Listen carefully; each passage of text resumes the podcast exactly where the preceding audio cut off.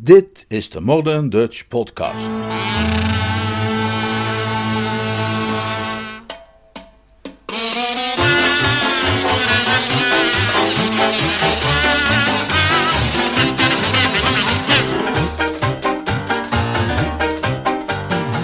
Geluk in de morgen. Een splinternieuwe vertaling van Joy in the Morning. Een Jeeves-roman van P.G. Woodhouse. Vertaald en voorgelezen door Leonard Beuger.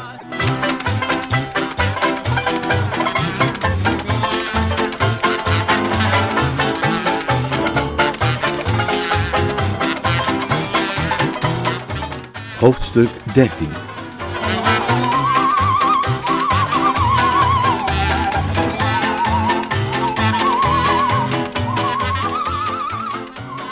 Nee, niet met echt plezier. En dit gebrek aan echt plezier, moet ik bekennen, bleef voelbaar tot op het uur U. Tijdens heel die rustige avond, het sobere diner en het lange moeizame wachten tot de klok van de dorpskerk middernacht zou slaan, voelde ik mijn ongerustheid groeien. En toen het moment tenslotte aanbrak en Boko en ik zelf door de stille tuinen van Pumply Hall op weg gingen om ons ding te doen, groeide die harder dan ooit. Boko was juist in een vrolijke, bruisende stemming, sprak van tijd tot tijd zachtjes maar enthousiast over de schoonheden van de natuur en vestigde voorzichtig fluisterend mijn aandacht op de aangename geur van de bloemen waar we langs snelden. Maar Bertram voelde zich heel anders. Bertram, en ik probeer het niet te verbergen, was niet op zijn best. Zijn ruggengraat zwabberde en zijn hart werd terneergedrukt door leed en grief. Het woord van een woester was echter gegeven. Ik had mij ter beschikking gesteld aan het jonge paar, en het kwam niet bij me op me te drukken en er stilletjes tussenuit te knijpen. Maar er was ook niets dat me verplichtte dit allemaal leuk te vinden. Ik heb, geloof ik, alles eerder vermeld dat ik er niet dol op ben in het donker door vreemde tuinen rond te struinen. Te veel pijnlijke episodes in mijn verleden hingen samen met de donkere tuinen van andere mensen. Ik denk daarbij onder meer aan die keer dat de omstandigheden me dwongen in de kleine uurtjes weer naar buiten te sluipen en de brandklok te luiden op Brinkley Court, en die andere gelegenheid waarbij Roberta Wickham me tegen beter weten in had overgehaald om in een boom te klimmen en een bloempot door de ruiten van een broeikast te smijten, als afleidingsmanoeuvre om haar nichtje Clementina, die stiekem van haar kostschool was weggeglipt, in staat te stellen onopgemerkt weer terug te glippen. Van al deze ervaringen was de laatstgenoemde tot nog toe de meest aangrijpende geweest, omdat die had geculmineerd in de plotselinge verschijning van een politieagent met de tekst: Wat dachten wij dat wij aan het doen waren? En het was de gedachte dat een herhaling van dat scenario tot de mogelijkheden behoorde, nevens het besef dat als er nu een politieagent zich mee zou komen bemoeien, dat vriend Stilton zou zijn, die met bloed deed stollen in de aderen en me een droog, fladderig gevoel gaf in mijn maag, alsof ik een opgehoopte eetlepel vlinders had ingeslikt. Dat gevoel was dermate geprononceerd dat ik merkte dat ik in slecht verborgen paniek tenslotte Boko's arm vastgreep en hem onder een passerende boom trok. Boko, reutelde ik, hoe zit het met Stilton? Hè? Heb je rekening gehouden met het Stilton-gevaar? Hè? Nou, stel dat hij nachtdienst heeft. Stel dat hij hier ergens rondsluipt. Stel dat hij ineens op ons afspringt, compleet met fluit en opschrijfboekje. Onzin. Het zou vreselijk zijn om te worden ingerekend door een knabo met wie je als jongen bent opgegroeid. En hij zou dat maar al te graag doen. Hij heeft het op mij gemunt. Onzin. Flauwkul zei Boko nog altijd even luchthartig. Je moet je gedachten vooral niet die morbide kant op laten gaan, Bertie. Zulke angstgevoelens zijn je onwaardig. Maak je geen zorgen om Stilton. Je hoeft maar naar hem te kijken, die heldere ogen, die roze wangen, om te weten dat hij een man is die ervoor zorgt dat hij voor alles zijn vaste acht uurtjes maakt. Vroeg naar bed en vroeg weer op, dat is zijn leuze. Stilton ligt lekker ingestopt onder de dekens. Die slaapt als een klein kind en komt pas weer in actie als zijn wekker om half acht afgaat. Dat was natuurlijk mooi, voor zover het klopte. Het was een fraaie redenering die zeker hielp om me gerust te stellen. Stiltons wangen waren ongetwijfeld rooskleurig. Maar het duurde toch maar heel even dat ik me erdoor gesterkt voelde. Per slot van rekening dacht ik, was Stilton maar een deel van de dreiging. Afgezien van hem was er ook nog de oom Percy, tante Agatha kant van de zaak. Je kon er niet omheen dat de tuinen en opstallen die wij op dat moment wederrechtelijk betraden, toebehoorden aan de eerste en dat de laatste er eveneens belang bij had. Ik mocht, wil ik maar zeggen, misschien veilig zijn voor de draak, maar hoe zat het met de griffioenen? Dat was de vraag die ik mezelf stelde. Hoe zat het met de griffioenen? Als er iets mis zou gaan, als dit gruwelijke avontuur waar ik me aan had gewaagd ook maar voor een heel klein beetje uit de hand liep, wat zou daarvan het gevolg zijn? Wat zal ik u vertellen, wat daarvan het gevolg zou zijn? Niet alleen zou het me in de ongelukkige positie brengen aan een schuimbekkende oom, terecht woedend omdat ik zijn schoonheidsslaapje had verstoord, te moeten uitleggen waarom ik hier in het geniep zijn bijkeukenramen liep te vernielen, maar dat hele verhaal zou natuurlijk bij haar terugkeer direct met een schat aan saillante details aan tante Agatha worden doorverteld en wat dan? Veel minder ernstige overtredingen mijnerzijds hadden er in het verleden voor gezorgd dat mijn bejaarde bloedverwant mij met haar strijdbijl te lijf was gegaan, huilend om mijn bloed als een indiaan op het oorlogspad. Ik noemde dit toch nog even tegen Boko, toen we het doel van onze tocht hadden bereikt, en hij klopte me op de schouder. Goed bedoeld, ongetwijfeld, en een vriendelijk gebaar, maar niet heel effectief waar het erom ging mijn moreel te versterken. Ah, als je gepakt wordt, zei Boko, doe gewoon of het een geintje was. Een geintje? Precies, heel nonchalant. Eh, heb je de stroop? Ik zei dat ik de stroop had. En het papier? Ja. Dan ga ik nu even tien minuten een wandelingetje maken. Dat geeft jou acht minuten om moed te verzamelen tot je zover bent. Een minuut om het raam in te slaan en een minuut om er vandoor te gaan. Dat met die stroop was een idee van Boko. Hij had betoogd dat het een onmisbaar onderdeel was van de hele expeditie en dat het er de professionele toets aan zou geven die we graag wilden zien. Hij is iemand die dat soort dingen heeft bestudeerd. En volgens hem is het eerste wat de doorgewinterde inbreker doet bij de voorbereiding op een klus, zich te voorzien van een pot stroop en een vel pakpapier. Dat laatste plakt hij tegen het raam met behulp van de eerste, haalt vervolgens uit en slaat met een ferme vuistslag de ruit in. Wat een manier om de kosten te verdienen. Ik geloof dat ik wel drie van mijn tien minuten heb gebruikt om stil te staan bij de onverschrokkenheid van die types en heb me afgevraagd waarom zij voor zo'n veel eisende levenstaak hebben gekozen. Grote winsten, ongetwijfeld, en vrijwel geen exploitatiekosten. Maar bedenk eens wat ze moeten uitgeven aan zenuwspecialisten en rustkuren. Alleen al de post voor kalmeringsmiddelen moet een indrukwekkende zijn op de uitgavenlijst van een professionele inbreker. Ik had nog een hele tijd op die manier kunnen doormijmeren, maar was genoodzaakt het onderwerp uit mijn hoofd te zetten, want de tijd verstreek en ik kon Boko's terugkeer elk moment verwachten. En ik schrok terug van het vooruitzicht hem uit te moeten leggen dat ik maar wat had staan pijnzen tijdens de ogenblikken die besteed hadden moeten worden aan actie. Vanuit de gedachte dat waar het geflikt, als is geflikt, dan waar het goed, zo ware ras geflikt, zoals Shakespeare zegt, bestroopte ik dus het papier en kleefde het tegen het raam. Het enige wat nu nog moest gebeuren was het toedienen van de ferme vuistslag. En het was op dat punt gekomen dat ik plotseling helemaal kat uit het spreekwoordachtig werd. De substantie van de voeten werd lemiger en ik begon heen en weer te drentelen, zoals Stilton had gedaan voor de deur van de juwelierswinkel. Toen ik hem bij die betreffende gelegenheid gadesloeg, had ik gedacht dat hij een voortreffelijk voorbeeld liet zien van nutteloos gezichtsslag. Maar ik realiseerde me nu dat zijn geijsbeer nog maar beginnerswerk was geweest. Vergeleken met mijn gedrentel op dit moment kon dat van stilte nauwelijks echt drentelen worden genoemd. Ik bewoog me naar mijn doel toe en dan weer ervan weg en soms boog ik ook opzij. Voor een toeschouwer, als die aanwezig was geweest, had het kunnen lijken alsof ik aan het oefenen was op de ingewikkelde passen van een ritmische dans. Uiteindelijk echter, na mijzelf mijn ganse hart onder de riem te hebben gestoken en alle frisse woesterse moed te hebben verzameld, deed ik een snelle stap voorwaarts en hief mijn vuist op maar toen was het alsof er een staaf dynamiet recht onder me werd afgestoken. Mijn haar ging overeind staan in één krachtige bundel en elke zenuw in mijn lichaam strekte zich kaarsrecht met een krul aan het uiteinde.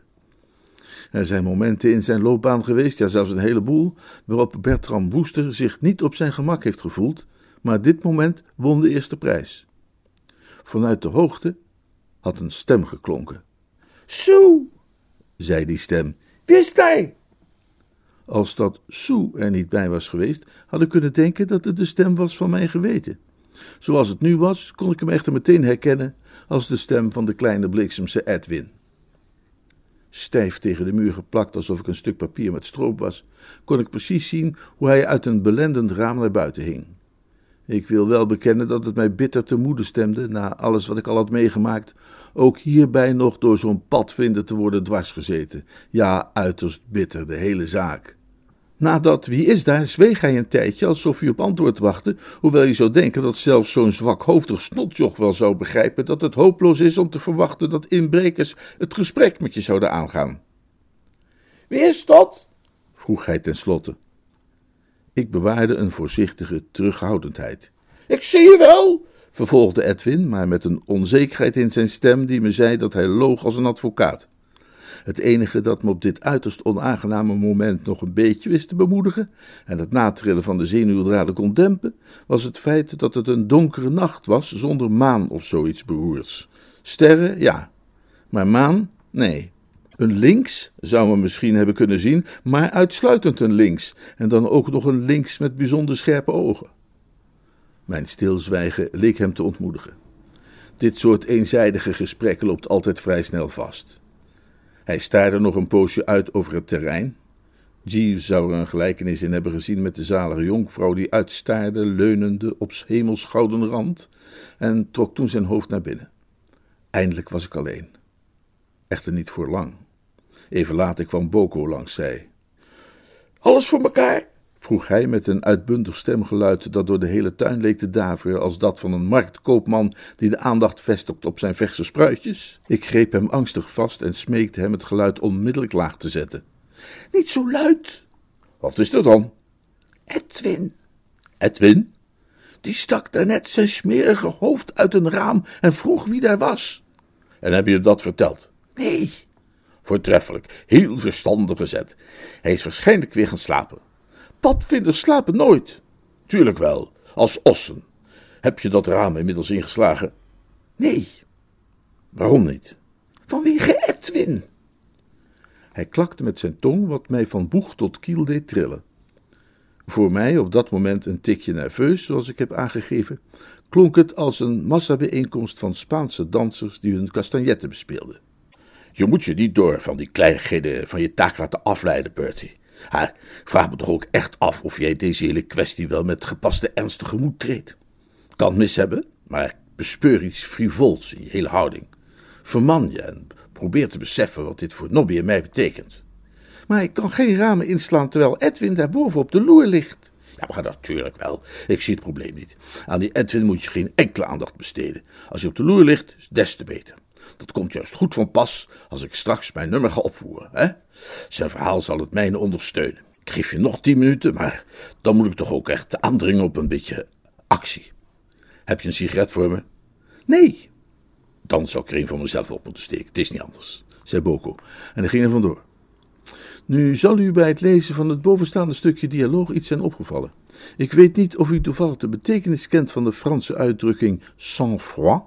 Maar wanneer dat het geval is, kan het u nauwelijks zijn ontgaan in welke buitengewone mate de Fittleworth van zojuist die eigenschap vertoonde. Terwijl ik beefde en kwetterde, bleef hij zo koel en kalm als een tarbot op ijs, en ik bedacht dat de reden daarvoor wel eens heel goed zou kunnen zijn dat hij in beweging was gebleven. Het helpt bij dit soort gelegenheden om vrijelijk te kunnen rondlopen, in plaats van stokstijf stil te blijven staan bij bijkeukenramen, en ik had het gevoel dat een korte wandeling iets zou kunnen bijdragen aan het weer op stoom brengen van mijn dysfunctionerende zenuwstelsel.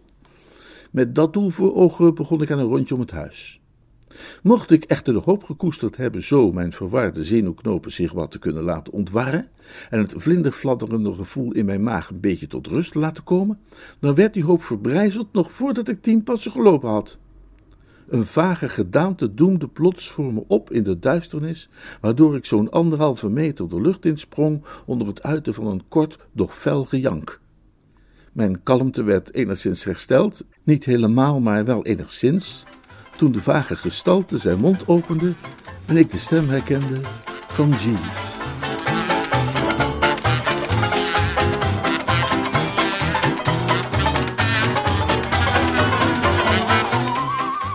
Hoofdstuk 14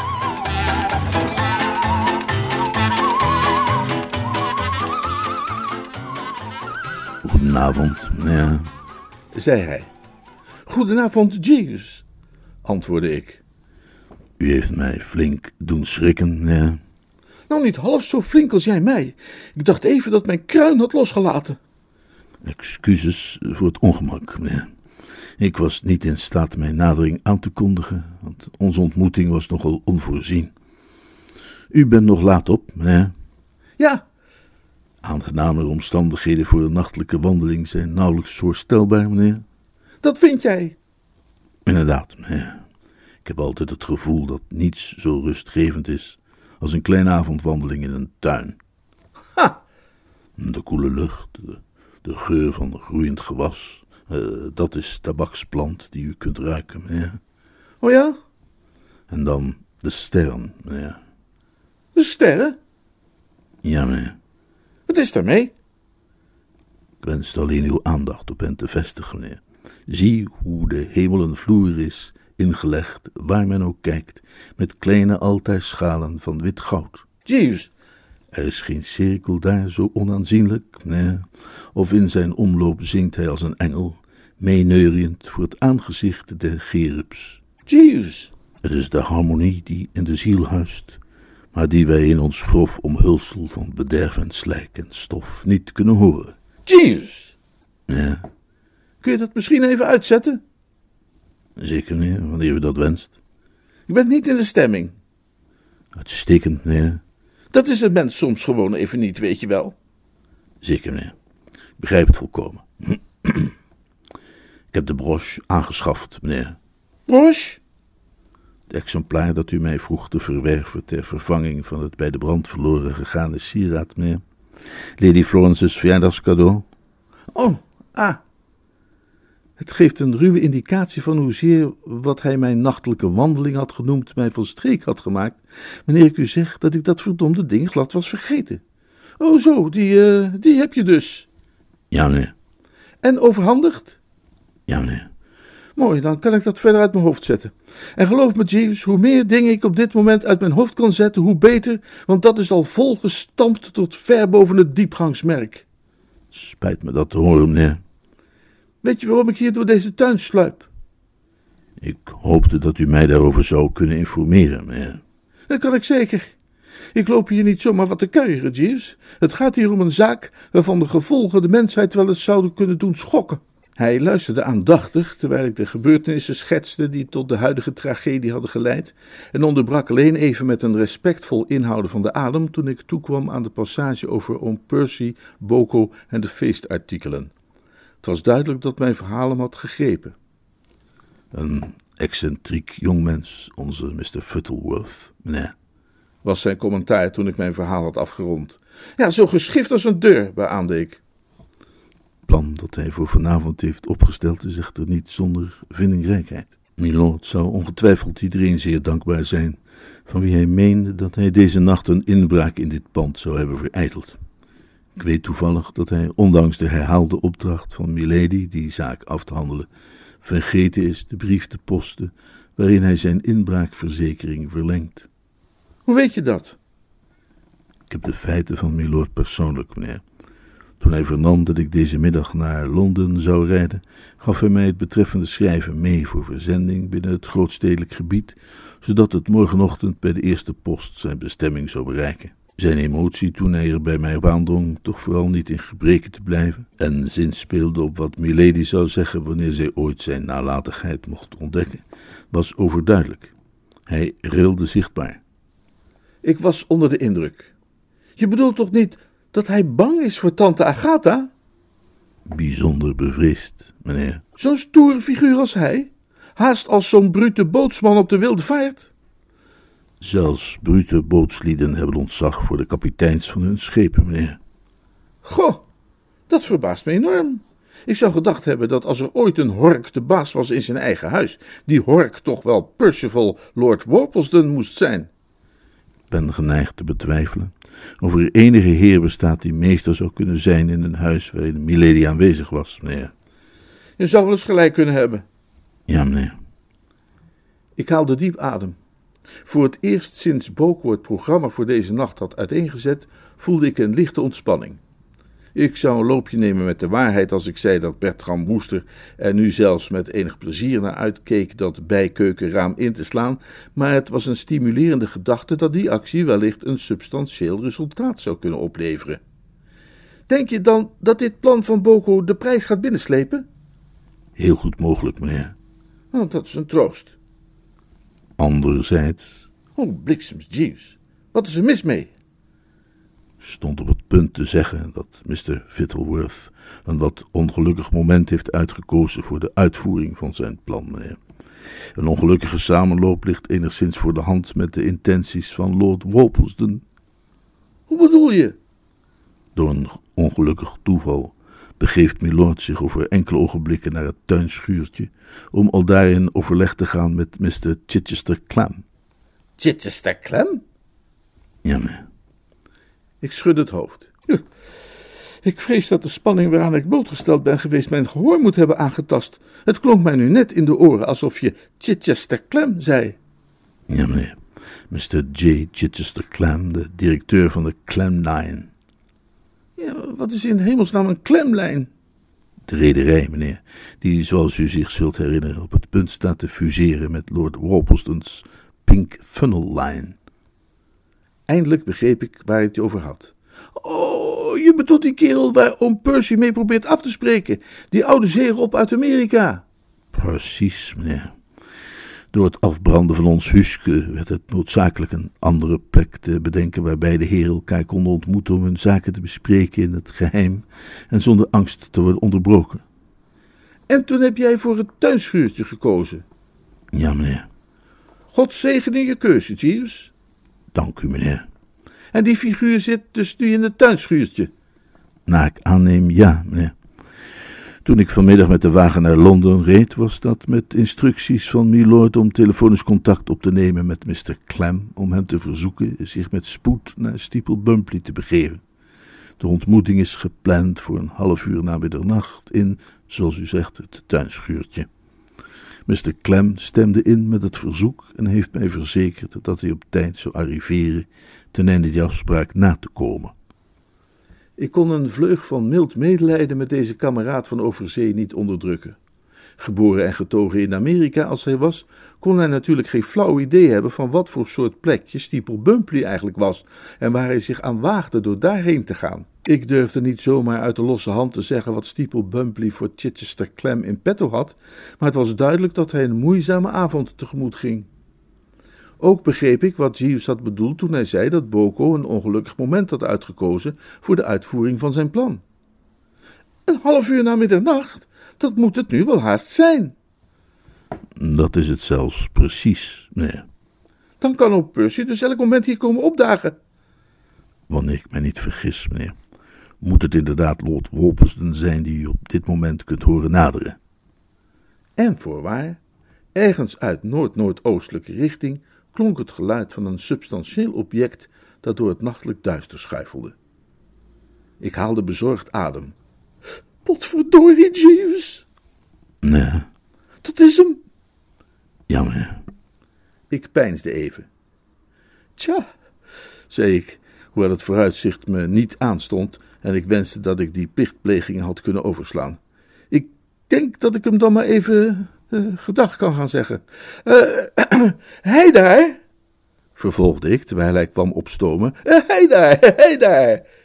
Ik moet zeggen dat het resultaat van mijn begroeting niet onplezierig was om te zien. Voor iemand bedoel ik die net als ik die avond zelf al twee keer van schrik een sprong had gemaakt als de rammen en de lammeren in de velden waar de psalmist van gewaagd, omdat hij onverwachts vanuit de schaduw werd aangesproken. Toen ik mijn familielid met een woordeloze kreet hemelwaarts zag stijgen, zich kennelijk een groeistoornis geschrokken van minstens een jaar, kreeg ik echt het gevoel een beetje wraak te hebben kunnen nemen.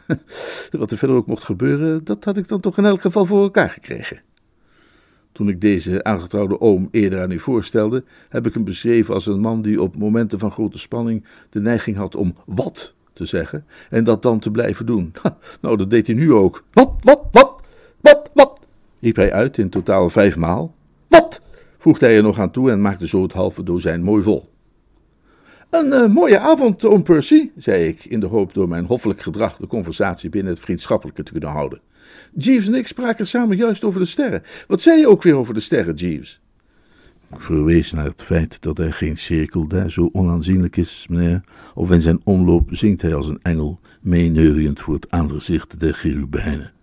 Precies. Goed om te weten dat, hè, oom Percy?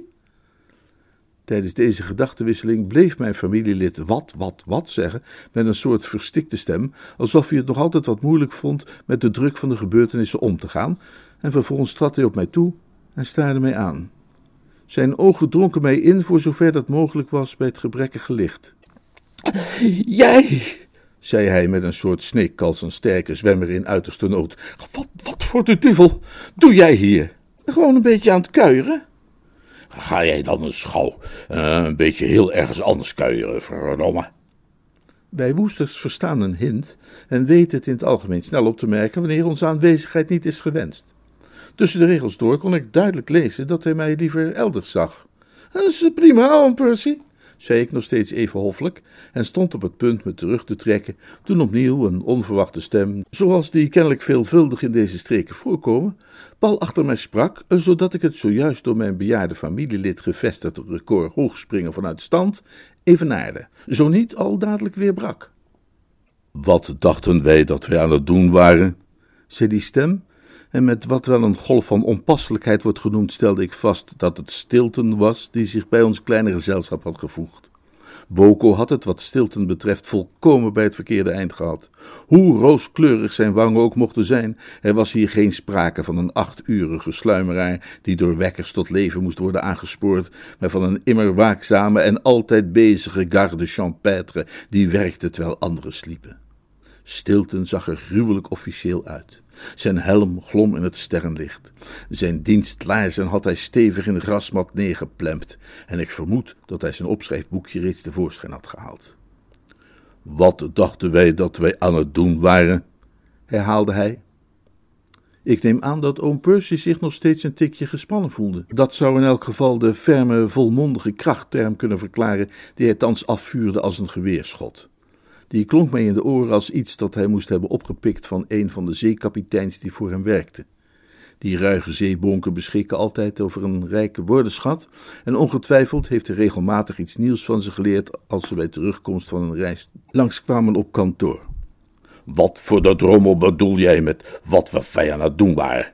En wie voor de drommel ben jij om zomaar hier over mijn land te lopen en te vragen wat wij aan het doen waren? Wat was jij zelf eigenlijk aan het doen? Ja, wat? Vervolgde oom Percy, die nu goed warm begon te lopen. Doe jij inderdaad hier op mijn land, jij enorme klunsklungel?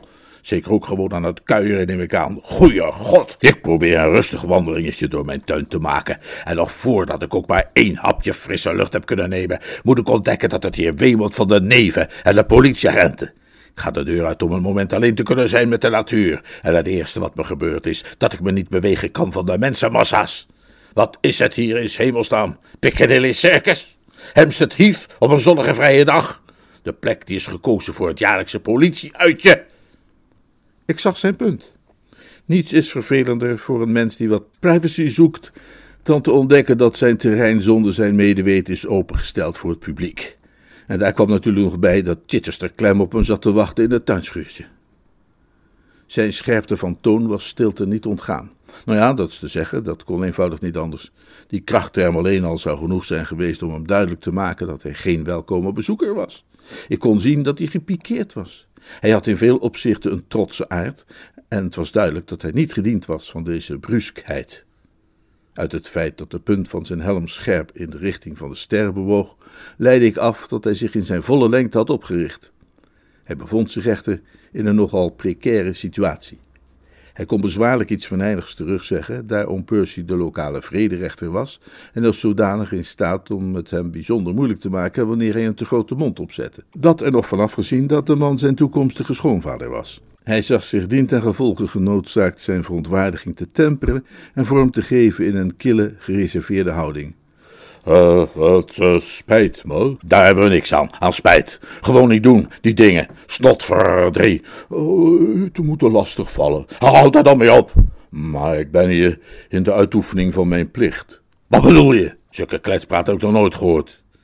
Ik werd zojuist opgebeld met het verzoek onmiddellijk naar de hol te komen. Opgebeld, opgebeld! Wat een onzin op dit uur van de nacht. Wie heeft je dan gebeld? Ik neem aan dat die kille gereserveerde houding moeilijk vol te houden was. Te inspannend. In ieder geval liet Stilton die nu varen. Dat verdomde snotjong van een Edwin, antwoordde hij nors. Mijn zoon Edwin? Ja, hij zei dat hij een inbreker op het terrein had gezien. Om Percy leek door een heftige kramp te worden getroffen. Het woord inbreker had duidelijk een gevoelige snaar geraakt. Hij wendde zich in een onstuimige beweging om. Jeeves! Lord. Heb je die brief gepost? Jawel, milord. Oef, zei om Percy en wiste zijn voorhoofd af. Hij was nog aan het dweilen toen plots het geluid naderde van galopperende voeten en iemand vanuit de duisternis begon te roepen. Hela, hela, hela! Wakker worden iedereen! Alle hens aan dek! Ik heb een inbreker betrapt in het tuinschuurtje. Het was de stem van Boko en met een nieuwe vleug van medelijden realiseerde ik me dat nu de problemen waren begonnen voor J. Chichester Clem. Nu wist hij wat er gebeurde met mensen die naar Steeple kwamen.